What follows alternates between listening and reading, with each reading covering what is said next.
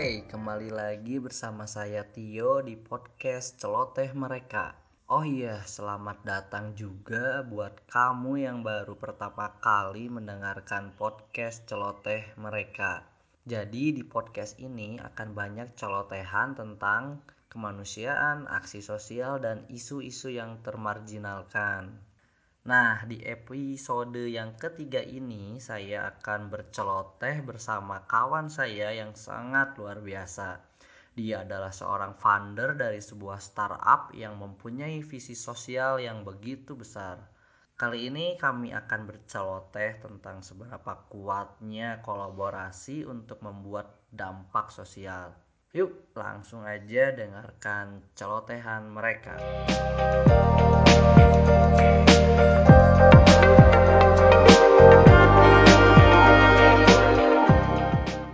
Uh, nama saya Fauzan Kemal Akbar, Kang Tio. Asik. Asik, mantap. Orang asli Bandung, lahir di Bandung, sekarang menginjak usia 26 menuju 27. Uh, Masih muda. Masih muda, alhamdulillah. Terus uh, lulusan dulu alma mater dari Unpar, Parahyangan, Hubungan Internasional.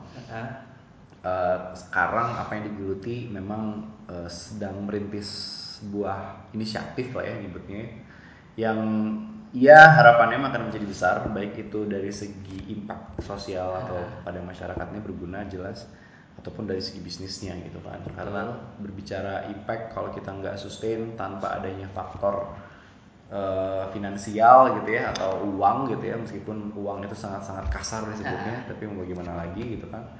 Jadi memang itu yang sedang dibuild sekarang. Nah, memang namanya itu collab gitu. Nah kita sudah bersepakat untuk tidak memanjangkan collab menjadi collaboration laboratory padahal awalnya kan kita sepakat collab itu kepanjangan tapi kemudian sekarang ya udah Jangan dari apa itu? Collaboration laboratory laboratorium kolaborasi Oh. kolaborasi sorry Iya, iya, iya, iya.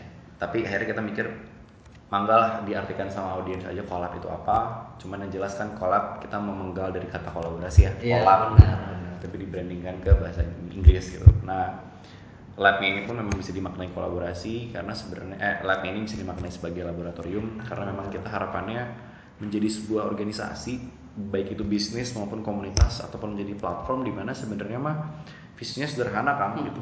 Orang-orang tuh di dalam sini tuh bisa saling berkolaborasi satu sama lain dengan kemampuan yang dimiliki masing-masing eh, pihak untuk bersama-sama menciptakan output mau itu pro- produk, mau itu program, mau itu campaign, mau itu apa pun itu movement yang memang secara nilai itu berdampak besar bagi masyarakat dan bernilai bisnis yang tinggi. Kolaborasinya tuh bebas apa pun itu atau emang ada segmennya nih si collab tuh menyegmenkan diri atau Ya. apa pun gitu Oke. kayak gimana? Sebetulnya kita segmennya kreatif kolaborasinya. Jadi kalau misalkan suatu hari ada orang membawa ide membuat fabrikasi titanium gitu, mungkin itu nggak kita kerjakan ranahnya. Cuman mungkin bisa kita bantu untuk hubungkan ke orang-orang yang memang mampu. Jadi kalau memang ditanya segmen, segmentasi kita kita bergeraknya di industri kreatif berbasis teknologi. Jadi eh, let's say katakanlah pembuatan aplikasi yang sifatnya memang bagus, kreatif, berdampak sosial, bernilai bisnis tinggi. Kalau secara bisnis sebetulnya saya bisa sebut ada empat sebenarnya kategori bisnis yang kita jalankan. Jadi yang pertama itu kita punya event organizer Ya. yang saya kenal Kang Tio juga dari IO-nya betul. Betul. Di mana kita secara rutin sebulan sekali kita bikin acara kumpul-kumpul Ya. bareng komunitas dan bareng startup. Yang ternyata awalnya itu memang komitmen kita untuk duduk bareng bersinergi bareng. Mhm. Setelah dari situ mangga pihak-pihak tersebut mau saling berkolaborasi langsung bikin apa itu harapan kami sebenarnya karena kita mau membuka kolaborasi sebanyak-banyaknya nggak mesti melalui kami itu ngobras tapi kalau secara dari segi bisnisnya memang kita juga menerima permintaan-permintaan event dari klien dan kita pun juga membuat konsep event sendiri.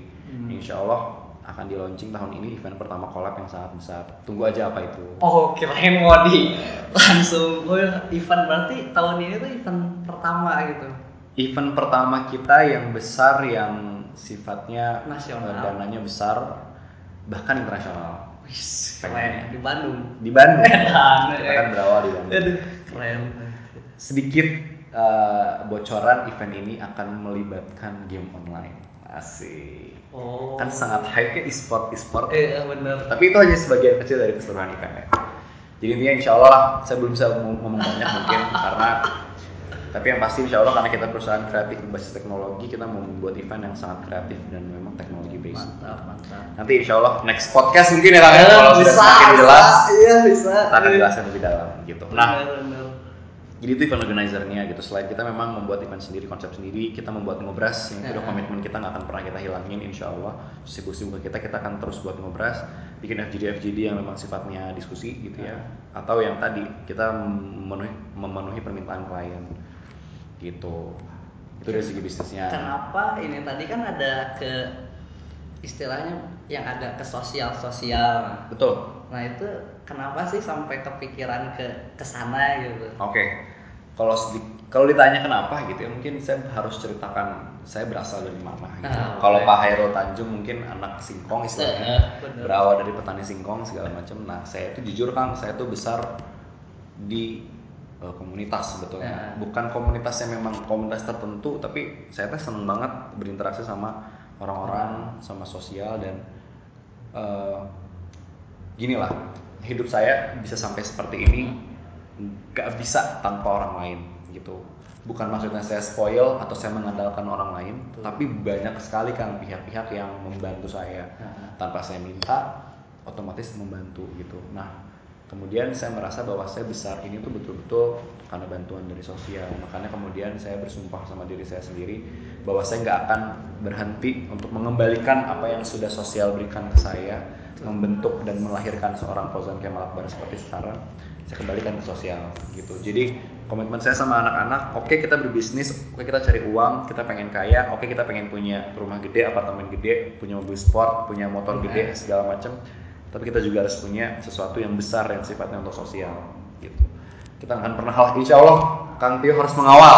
Sedap. harus mengawal kita untuk terus uh, bervalue sosial. Gitu sih Kang. Jadi dan collab ini juga awalnya dari movement sederhana sebetulnya. Karena emang orang teh tuh bisa cicing jalan mana Nah. kalau ada keresahan tuh saya pengen hiu ah tuh orang babarengan orang seenggaknya kita lakuin dulu aja lah dek di dengi dek ayah output nanaon nggak usah dipikirin dulu lah yang penting bergerak dulu gitu daripada ngomong doang bener tuh benar benar nah benar dari situlah saya kembang kembang kembang kembangin sampai akhirnya menjadi sekolah ini gitu jadi kalau ditanya kenapa sosial karena kita berangkat dari sosial gitu kak wes mantap Gitu. Nah itu, itu itu itu eventnya. Nah yang tiga lagi sebenarnya gini, empat itu kan satu event ya, event Iya. organizer. Yang kedua production house. Nah production house ini adalah karena kebetulan kita punya resource-nya orang kreatif, dia bisa ngedit video, dia bisa nge-take video. Jadi end to end processing content creating itu dia bisa dan sudah diakui oleh banyak orang hasilnya bagus sekali. Makanya kemudian kita membuat uh, production house gitu. Dan yang terakhir itu tech house. Nah, tech house ini juga sama. Kebetulan resource yang saya punya, dia orang IT yang cukup eh, penggawanya cukup keren lah gitu. Dia ngerti manajemen segala macam dan relasi saya juga banyak banget orang-orang IT yang jenius. Makanya kita melihat potensi ini sangat besar. Dan sudah ada beberapa bisnis ini memang sudah ada kliennya yang alhamdulillah. Jadi memang berjalan. Nah terakhir nih sebenarnya yang keempat itu yang menjadi soul kami yaitu community development Nah, yang akan sering ketemu sama Kang Teh Elza Iya. gitu kan. Nah, ini community development ini memang kita nggak profit oriented di sini. mm-mm. Tapi kenapa disebut business unit? Karena memang ini ada potensi bisnisnya.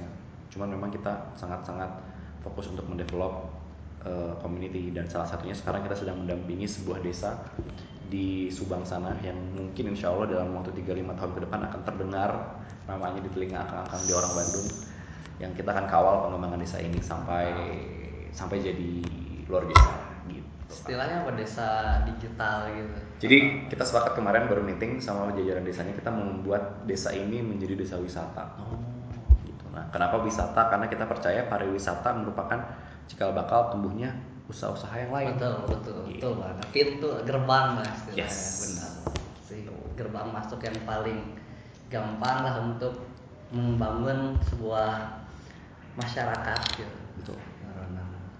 Nah, kalau Kang Kemal sendiri nih nggak kepikiran gitu kayak ini masih muda 27 kan Benar. oh, 26 tahun nggak kepikiran gitu kayak iya masyarakat milenial sekarang gitu kerja kantoran gitu. Kenapa sih pengen kenapa terjun terjunnya terjun terjun dalam banget di eh, collab ini gitu? Ya.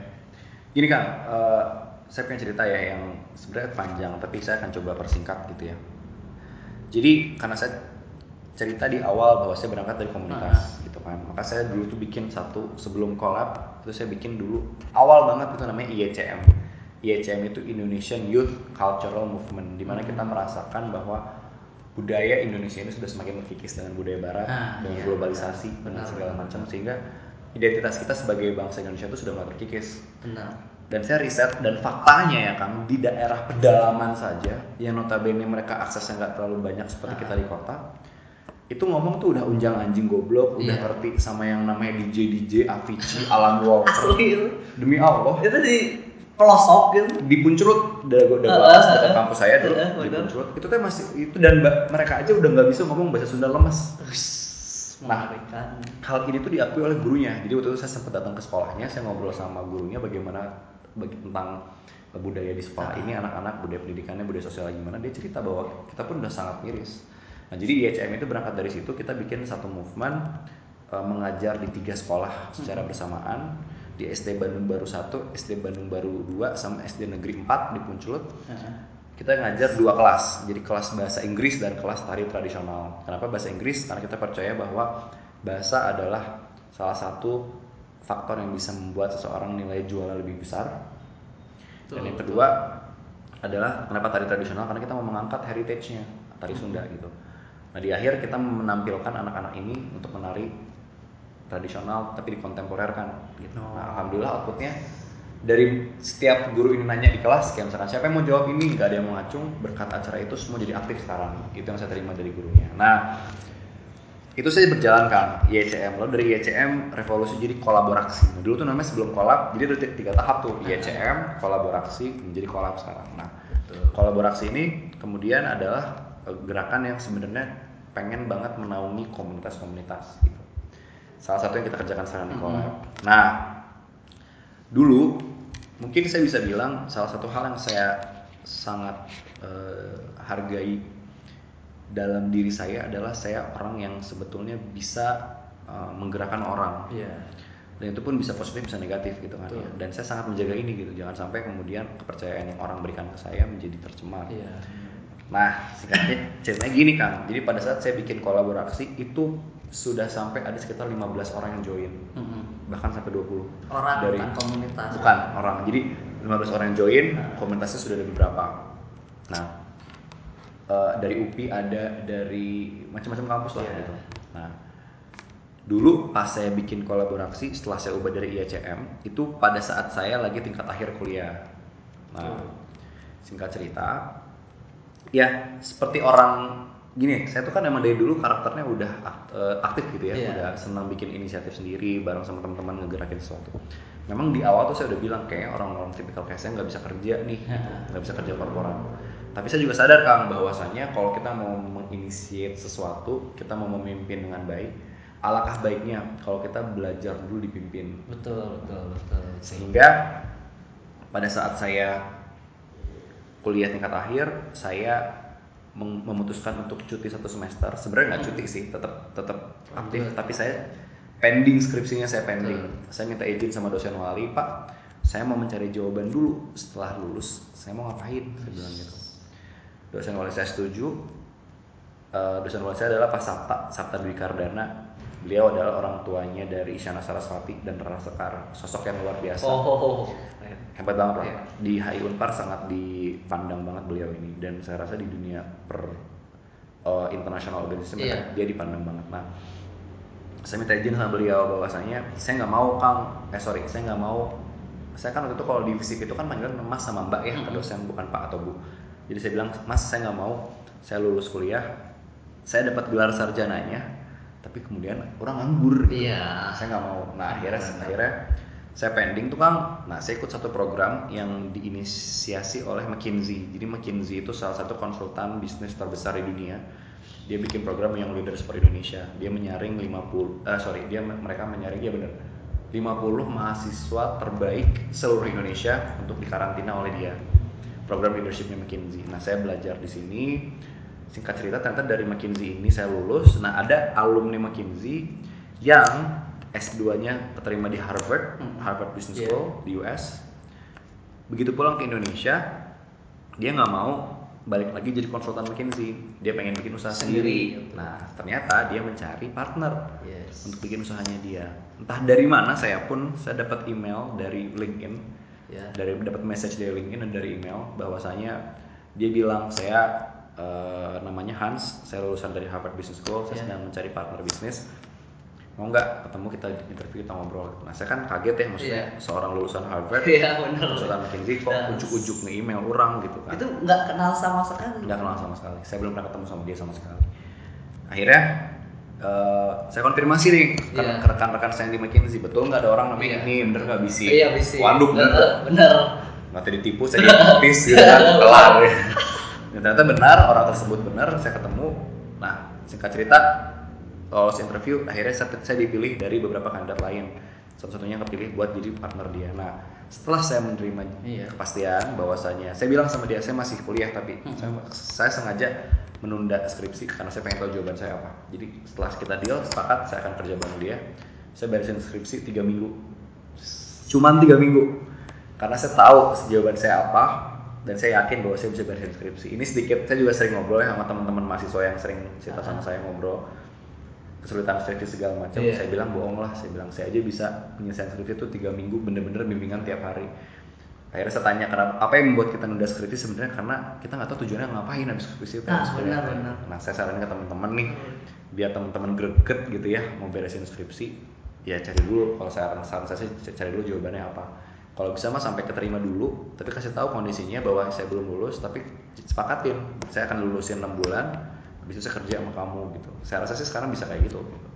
jadi gitu kang nah saya beresin tiga minggu tuh skripsi saya kerja Iya. saya kerja pertama kali saya kerja sama dia 6 bulan beres kerja 6 bulan saya di hijack sama sebuah perusahaan event organizer Iya. saya di hijack saya kerja di event organizer ini nah di sinilah kemudian momen yang membuat saya semakin eh, yakin kenapa saya nggak memilih untuk kerja di korporat seperti millennials Mhm. kayak Kang Tio yang tadi bilang gitu ya milenial pada umumnya jadi gini Kang saya kerja itu kan enam bulan tadi ya Iya. yang pertama nah di IO ini saya satu setengah tahun jadi kan dua, dua tahun total ya nah jadi sebenarnya saya tuh udah ngerasain yang namanya jadi pegawai itu udah ngerasain yang namanya di anjing-anjingin di goblok-goblokin Di nggak- sama si Hans itu.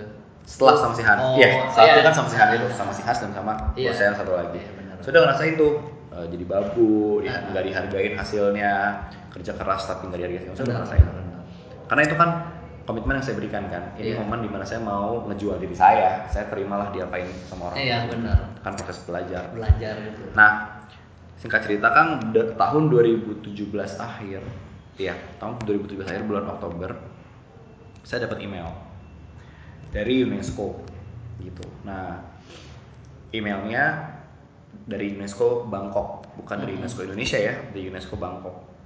Intinya surat inti email itu berisikan surat bahwa saya dipilih untuk mewakili Indonesia di sebuah forum internasional. Forum internasional itu di Beijing. Nah, judul forum internasionalnya adalah East Asia Youth Consultation. Mm-mm. Itu tentang apa?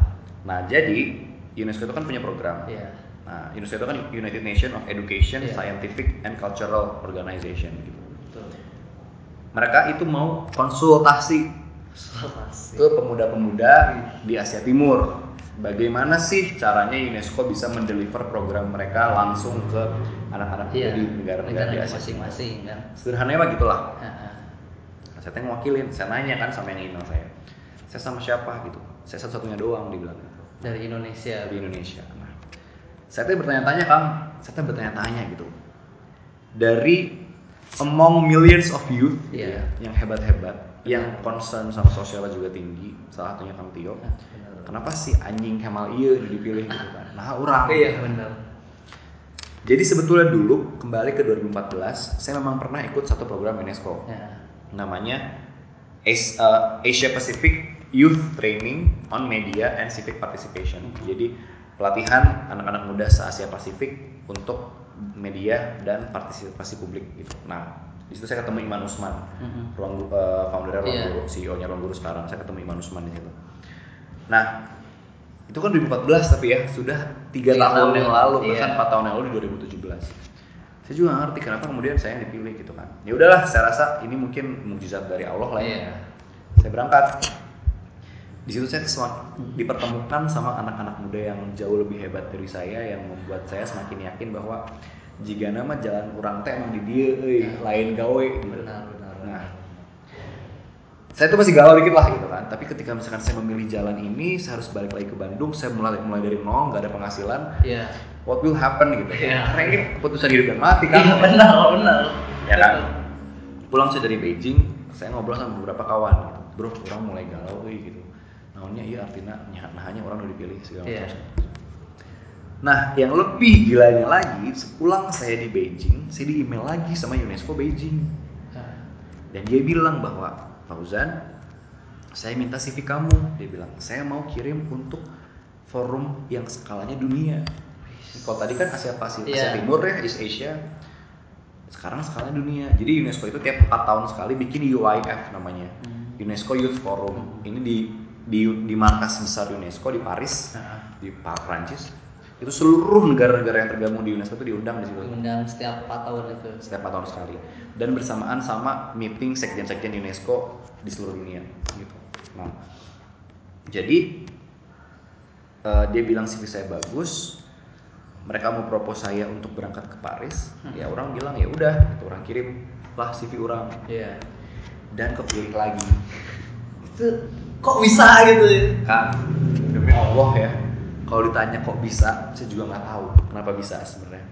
Karena saya pun nggak tahu ya kan, saya cerita gitu ke Iya. Akang, saya aja dari 4 tahun lalu ikut. Benar. Memang pada saat 2014 jujur, saya di forum itu aktif banget. Iya.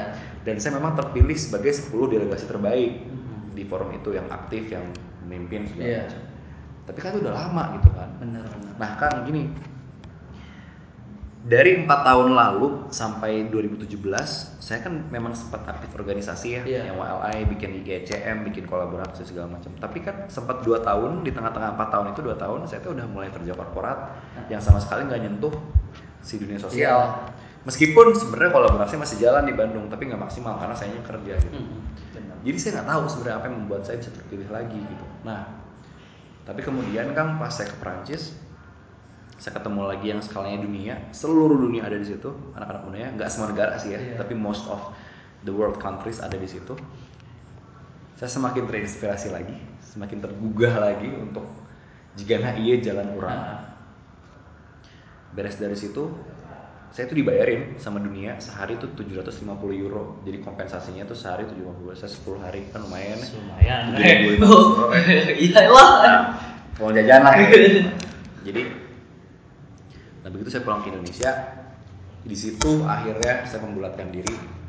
Ini jalan saya. Saya resign dari kerjaan saya. Padahal di saat itu teh saya lagi interview Google, saya lagi interview sama korporat-korporat besar, Sinarmas, Traveloka, segala Iya. macam. Tapi saya memilih, I think this is my way gitu, this is my path. Saya konsultasi Kang sama dosen saya yang tadi Mas Sabta lagi Iya. pas saya sebelum berangkat, Mas Sabta bilang satu kalimat, Fauzan, this is your calling, dia bilang. Ini adalah panggilan. Dia bilang. Panggilan dari mana Kang? Dari alam, dari iya semesta. benar Gini Kang. Jadi kenapa kemudian saya keperihan di dia, saya nyemplung dalam kelelep nepi kamu mati, insya Allah saya Iya. akan ada di kolam ini karena proses tadi Kang gitu. Jadi proses panggilan itu yang saya juga nggak tahu dari mana, saya nggak pernah menyangka bisa seperti ini. Yang saya percaya satu memang ini kuasa Tuhan lah gitu untuk Benar. melakukan hal ini. Karena Betul. siapa lagi yang ngasih betul Kang? betul. Gitu. Bayangin kan 4 tahun nama saya yang diingat gitu kan. Kenapa bener nggak nyari yang lain gitu kan? Dari sekian juta iya, anak muda. benar itu. Yang di luar tuh juga masih keren-keren gitu kan. Betul. Iya. Gitu. Jadi itu kan saya percaya bahwa ini udah memang jalan saya. Gitu. Hebat sekali. Oh ya tadi tadi pas di nih rame nih kayak pas di UNESCO yang di Paris itu tuh. Hmm. Itu sebenarnya kegiatannya ngapain tuh ya jadi gini ya saya nggak akan sebutin isunya apa Mhm. temanya apa karena mungkin terlalu rumit dan saya juga udah agak-agak lupa gitu tapi basically gini kan jadi UNESCO itu punya berbagai sektor gitu kan kayak di organisasi mah ada marketing, Divisi-divisi. ada PR, ya ada divisi-divisi. Nah divisi-divisi ini tuh semua berhubungan sama sosial. Mhm. Contoh ada yang isunya tentang kemiskinan, Iya. ada yang isunya tentang pendidikan, ada yang isunya tentang pertahanan, Iya. security, ada yang terorisme, macam-macam, gitu Iya. kan. ada yang bis- ekonomi segala macam. Nah, mereka kemudian mengelompokkan negara-negara yang pada saat itu isu di negaranya yang hot itu adalah itu Iya. kelompokin di negara-negara yang sama dan di situ kita tuh berdiskusi kira-kira gimana sih untuk solve Solusi. solusi, ini Ah. gitu.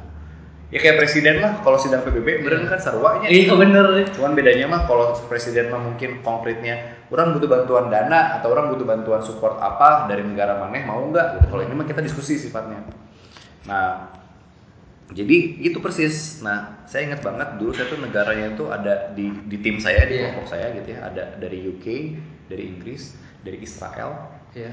dari eh, di Pasifik ada dari Caribbean ada Iya. dari Kanada dari mana lagi ya? Dan saya nggak tahu kenapa saya satu satunya jalu di situ. Satu-satunya laki-laki di kelompok itu. Itu semuanya perempuan saya nggak ngerti kenapa. Nah udah. Nah gitu kang jadi dari situ kita tuh diskusi tentang bagaimana kemudian kita men-solve problem itu. Mhm. jadi kerangka besarnya gitu. Tapi secara teknis tuh kebagi dua. Jadi ada diskusi panel yang semuanya Semua, ikut ya. ada diskusi yang paralel. Jadi ada panel session ada parallel session. Nah paralel ini tadi dibagi per kelompok. Pandangan anak-anak muda yang lain gitu pas di forum itu ke ke akan lah ke orang Indonesia gitu. Itu gimana sih? oke jujur ya kang yang saya bisa eh, bilang dan ketika saya pulang pun ketika saya ditanya apa yang didapat kita patut syukuri bahwa sebenarnya Indonesia ini masalahnya itu nggak ada masalah berarti jujur saya mah Kenapa saya bisa bilang secara tegas dan secara berani bahwa Indonesia itu nggak punya masalah berarti? Karena negara-negara ini masalahnya mah balik. Ada yang jurnalisnya dibunuh massa. Iya. Ada yang pemudanya nggak boleh berkegiatan, Iya beraksi. berpendap- gitu. berpendapat, beraksi gitu. Ada yang miskin, Ah. ada yang susah akses airnya, misalkan ada yang mana, ada yang mana, ada yang security-nya sama sekali nggak kejamin, ada yang orang ngomong naon pae segala macam. Iya. Jadi benar.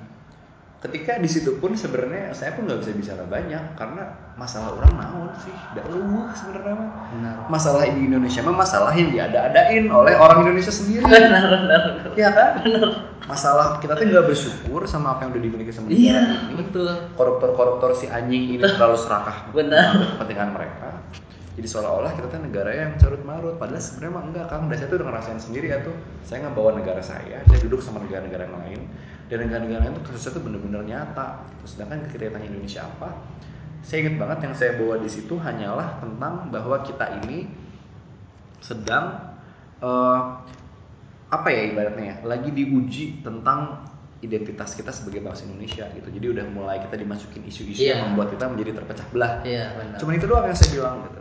Dan kita sebagai anak muda yang memang kita di tim saya Akang gitu ya. Orang-orang di sekeliling saya adalah orang-orang yang kebetulan cinta Indonesia, cinta tanah air. Jadi kita ini yang perlu bergerak gitu. Gimana caranya kita ngangkat heritage heritage kekayaan-kekayaan di Indonesia. Kreatif lah berkarya bikin produk sendiri kita jual ke luar negeri. Dan jangan sampai ketika udah gede malah dikuasain asing Nah, lagi gitu. benar. kan? Gitu. Ngerti lah ya gitu kan. Jadi maksud saya itu. Jadi sebenarnya apa yang mereka pandang di Indonesia? Indonesia mah nggak punya masalah berarti. Sebenarnya kita mah beruntung banget kan Yang di luar jauh lebih parah ya. jual lebih parah dan malah jadi ujung-ujungnya mereka banyak belajar dari saya. Dan saya pun banyak belajar dari mereka ya. Betul. kayak ini yang paling simpel. Di Indonesia kalau bikin mau bikin usaha kan ribet ya. Iya, harus benar. bikin PT Iya, bikin apa modal naon hese gitu kan. Siup TDP Iya. naon saya ingat banget saya eh, maaf kalau salah ya tapi seingat saya dia itu delegasi dari Nigeria kalau nggak salah. Di Iya. Nigeria kalau bikin usaha tekudu nyin kata. Langsung. Langsung bikin gitu.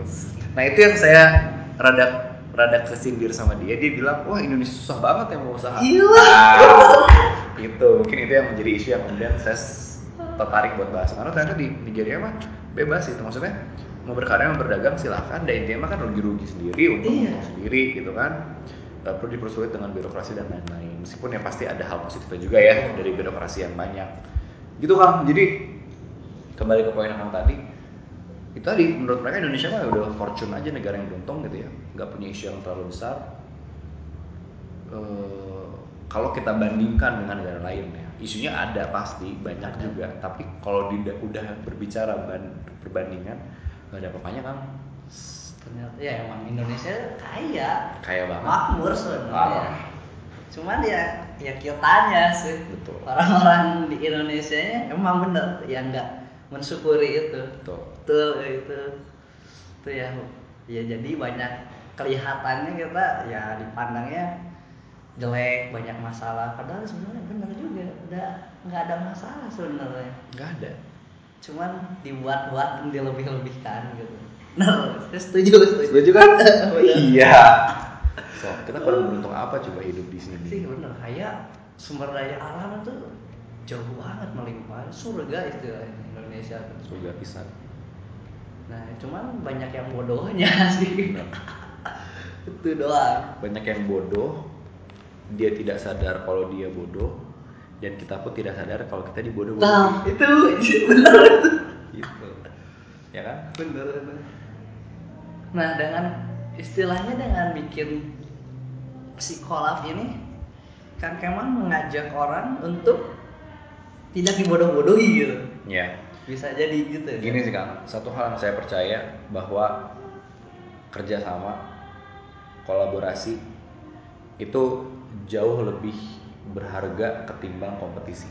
Betul betul. Kenapa? Contoh gini lah ini mah hitung hitungan sederhana ya. Iya orang bukan modal 5 juta. Iya. Gitu. Orang distitah jieun es krim. Ya es krim aya kuena aya es krim lah. Iya. Mun orang jieun eta sorangan orang ku- kudu ngamodal meuli kuena. Orang kudu ngamodal meuli susuna meuli naonna meuli naonna. iya. jadi modal 5 juta itu udah keburu habis untuk modal awal kan? Iya. Ketika masuk ke produksi kan kurang sangat terbatas bener nggak? Iya. Gitu kan sekarang kita bandingin ketika 5 juta ini saya terima saya pecah nih. Mm-mm. sejuta ke kuenya sejuta ke susunya sejuta ke buahnya Iya. sejuta ke kertas tisunya sejuta ke sedotannya misalnya. Iya. Mereka udah punya masing-masing nih industrinya udah berjalan. Iya. Dari segi kapasitas produksi mereka semakin banyak benar. uang 5 jutanya ketika dijual semakin berlipat ganda. Kan. Kang banyak mindset orang yang orang boga duit proyek 50 juta ya Heeh. mun aing babagi kasih eta orang jadi nggak dapet nasa Sedikit. kajian ke orang mah sorangan. Nah, padahal mana mah teu sadar bahwa kapasitas dia itu malah nggak sama sekali kalau berbicara return dari investmentnya itu malah jadi semakin membatasi dia buat ngembaliin uang itu menjadi multiplier lebih gede ketimbang kalau dia kolaborasi sama pihak lain. Benar benar. Dan kenapa saya kolaborasi? Karena itu win-win solution si iya dapat si kue si es krim dapat Semuanya si dapat. susu dapat si buah dapat dan semua berkembang gitu kan dari Nggak- saya. nggak kita doang gitu. Iya. Dan kita Makanya pun akhirnya nggak capek gitu. Betul. Nggak capek ringan. Iya. kan percayalah sama saya ya. Banyak banget hidup saya mudah. Karena saya punya banyak teman. Teman-teman percaya sama saya. Dan saya berkolaborasi. Benar. Sumpah kalau nggak mau orang orang stres serangan iya benar. Buat apa gitu kan? Benar dan uang mah ya kan nggak tahu ya. Ini mah prinsip yang mungkin saya juga takut ya ke depannya saya akan berubah dan uang mah bisa merubah segalanya ya. Benar. kata tata wanita tehnya aduh kata tata manusia lah. Ya ulah ulah wanita. Ya teh. wanita sih. Nah tapi sampai sekarang saya masih memegang teguh bahwa rezeki mah udah yang ngatur. Iya. Gitu. mau orang pakai hen mau lain rezeki orang mau ada nggak dapat dan orang ngan sasarean di di imah mun geus rezeki orang pasti dapat. Benar. Yang artinya apa? Yang artinya mah udah dijamin. Tinggal gimana kita ngejalaninnya gitu. Nah. jadi maksud saya saya mah sama sekali tidak pernah berpikir ketika punya investasi atau apa kabeh ke orang Iya. jual mah embung ieu kayak orang dia berkurang enggak sama sekali kan. Makanya kemudian saya bikin collab ini yang sejatinya adalah kolaborasi. Saya tanamin baik-baik ke semua tim gitu bahwasanya yaudah kita kolaborasi bebarengan gitu dan terbukti kan kemarin Hamin 3 saya dapat telepon dari klien Iya. dadakan disuruh bikin FGD dua hari setelah saya ditelepon bayangin. Orang ditelepon hari pertama hari kedua orang persiapan hari ketiga orang ke hari H jadi orang nggak persiapan sapoe sehari. Bener nggak? benar nu, nu, nu- nu datang seberapa kan genep puluh tilu orang bayangkan. Apa yang orang lakuin? Kan nelponan batur kan dari DSI gitu kom- Iya. komunitas data science. Bas EFGD nya siap mal gitu. Turunin 15 orang siap. Dari dari Bastian mal orang buka link di Scoop ya. Mau nggak? Mau telepon datang. Jadi kolaborasi kan sekali lagi dari itu tuh ah kang subhanallah lah sama ini mah nyata ya Iya. bukan bohong bukan ngada-ngada. Terjadi gitu. Dan tahu apa yang klien bilang? Klien bilang gue ngerti lagi sama lu mal di acara-acara lain kalau cuma dua hari dua hari persiapan paling yang datang 10 Iya. 5 itu juga Iya. udah bagus. Bener. ini gue nge sama sama lu 63 orang yang datang. Kliennya ternganga gitu ya terkaget-kaget. Iya lah. itu berarti berkat kolaborasi. Udah jadi komplit kan? Win-win solution semua dapat Bener. panggung semua di situ berkoneksi satu sama lain bernetwork networking gitu. Ke depannya mereka mau bikin apa udah ada jaringan dibukain semua. Pemerintah di situ ada swasta di situ ada komunitas di situ ada sosial masyarakat bahkan kaum difabel aja kemarin ada, Ada. yang badannya setengah gitu kan saya hebat banget terinspirasi banget sama dia happy semua Iya. kita happy sebagai penyelenggara klien happy banget gitu Jadi Gitu. semua enak lah kalau kolaborasi itu. betul Kalau menurut Kang Kemal seberapa penting sih ya kolaborasi di zaman sekarang? Gini Kang, zaman sekarang itu orang selalu bilang bahwa eranya disruptif ya. Iya, benar kan? Oke lah, kita artikan disruptif, mangga diartikan masing-masing. Tapi satu hal yang saya eh, pegang dari makna disruptif adalah semua serba cepat. Benar. Perubahannya cepat, Iya. pergerakannya cepat. Udah nggak ada waktu untuk kita persiapan dengan waktu yang banyak Benar. kalau semua udah bergerak dengan cepat. Makanya kenapa kolaborasi itu penting karena yang tadi saya bilang analoginya ketika kita dapat sesuatu dan kita udah siap dengan kolaborator-kolaborator yang notabene mengerjakan itu Iya. Dapat kesempatan jalan tinggal jalan gitu nggak perlu lagi kita bikin sendiri gitu lah ya tadilah misalkan mau masak telur Iya, Kang. Tio udah manasin katelnya saya udah mecahin telurnya Kang Pidi udah siap buat penggorengannya apa ska- eh, spatulanya Iya. kalau Kang Pidi ngerjain sendiri harus ngambil dulu telurnya di kulkas harus manasin dulu kompornya sendiri harus nuangin minyak harus mecahin telur harus ngocok. Kalau udah kolaborasi mah tinggal der. Kang Langsung Pi orang tinggal masukin telur yang udah orang pecahin ke Kang Tio Kang Pidi tinggal masing-masing jadi. Jadi langsung. gitu. Jadi sebenarnya relevan gitu kolaborasi di zaman sekarang pas banget gitu kan? pas banget. Pas banget.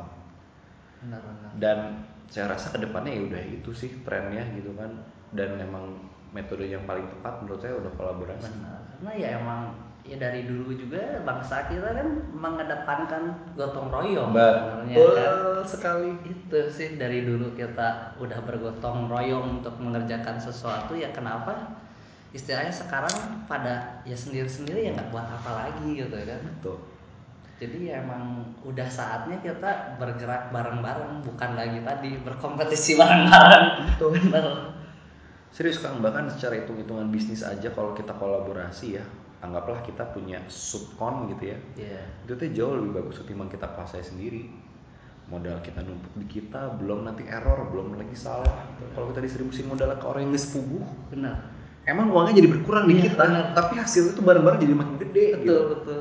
Saya merasakan itu juga. ya nggak nyadar aja gitu kita teh gara-gara wah cis 500 juta Iya. ya project wah nggak ngebayangkeun gitu kan nyicil naon bayar semua. nggak taunya along the way tanggung jawabnya berat Benar. sebenarnya can sanggup nah yang kayak gitu gitunya yang saya pengen hindari gitu gitu kan Oke oke oke. Lagi ya. eh satu kata lah, eh, pesan lah, pesan buat yang lain dari Kang Kemal pribadi buat anak-anak muda sekarang lah gitu. Apa pesan misalnya closing lah penutup. pesan saya mah gini ya saya percayakan satu hal bahwa Indonesia ini adalah sebetulnya negara yang paling kaya dari seluruh dunia Iya. saya percaya saya percaya banget dan yang bisa mewujudin itu kita kita Benar. Bukan presiden yang sekarang bukan menteri yang sekarang bukan orang-orang yang sekarang mau masuk ke DPR atau apa pun Iya. itu tapi kita tapi yang paling penting dari semua itu yang menurut saya fundamental adalah kita sebagai manusia harus tahu dulu kita teh mau ngapain hidup teh Betul. kita mau jadi apa Betul. kenapa sih esensinya tiap orang tua nanya ke anak atau om tante mau jadi apa cita-citanya sebenarnya kalau kita maknai ya pertanyaan itu ke hal yang sedikit filosofis bukan masalah cita-cita keprofesian ya Nah, bukan jadi dokter iya. tapi lu tuh menjadi apa jadi orang teh gitu. Nah jadi pesan saya mah satu tanya baik-baik betul-betul ke diri anda sendiri anda tuh mau jadi apa? Siapa yang jadi naon? Nah, bukan orang tua bukan komodi orang ngadoa ya Allah kasih tahu saya mau jadi apa. Bukan kita sendiri yang benar-benar tahu. Iya. setelah tahu kita mau jadi apa lakukan. Dah itu aja dari saya Pak. kudu muluk-muluk yang penting mah jalanin gerakin laksanain. Kalian nanti bakal ngerasain sendiri eh, prosesnya gimana peperihna jatuhna perihna happyna. Yang penting jalanin. Jangan pernah ragu sama pilihan. Tapi sekali lagi ya saya ulangi lagi harus tahu dulu mau jadi apa Siap, mantap banget. Eh, terima kasih sharing hari ini. siap Bang Tio Semoga ya bermanfaat lah buat semuanya. siap Asik juga. Asik Keren, ya? keren, keren. Oke lah. Terima kasih Kang Kemal.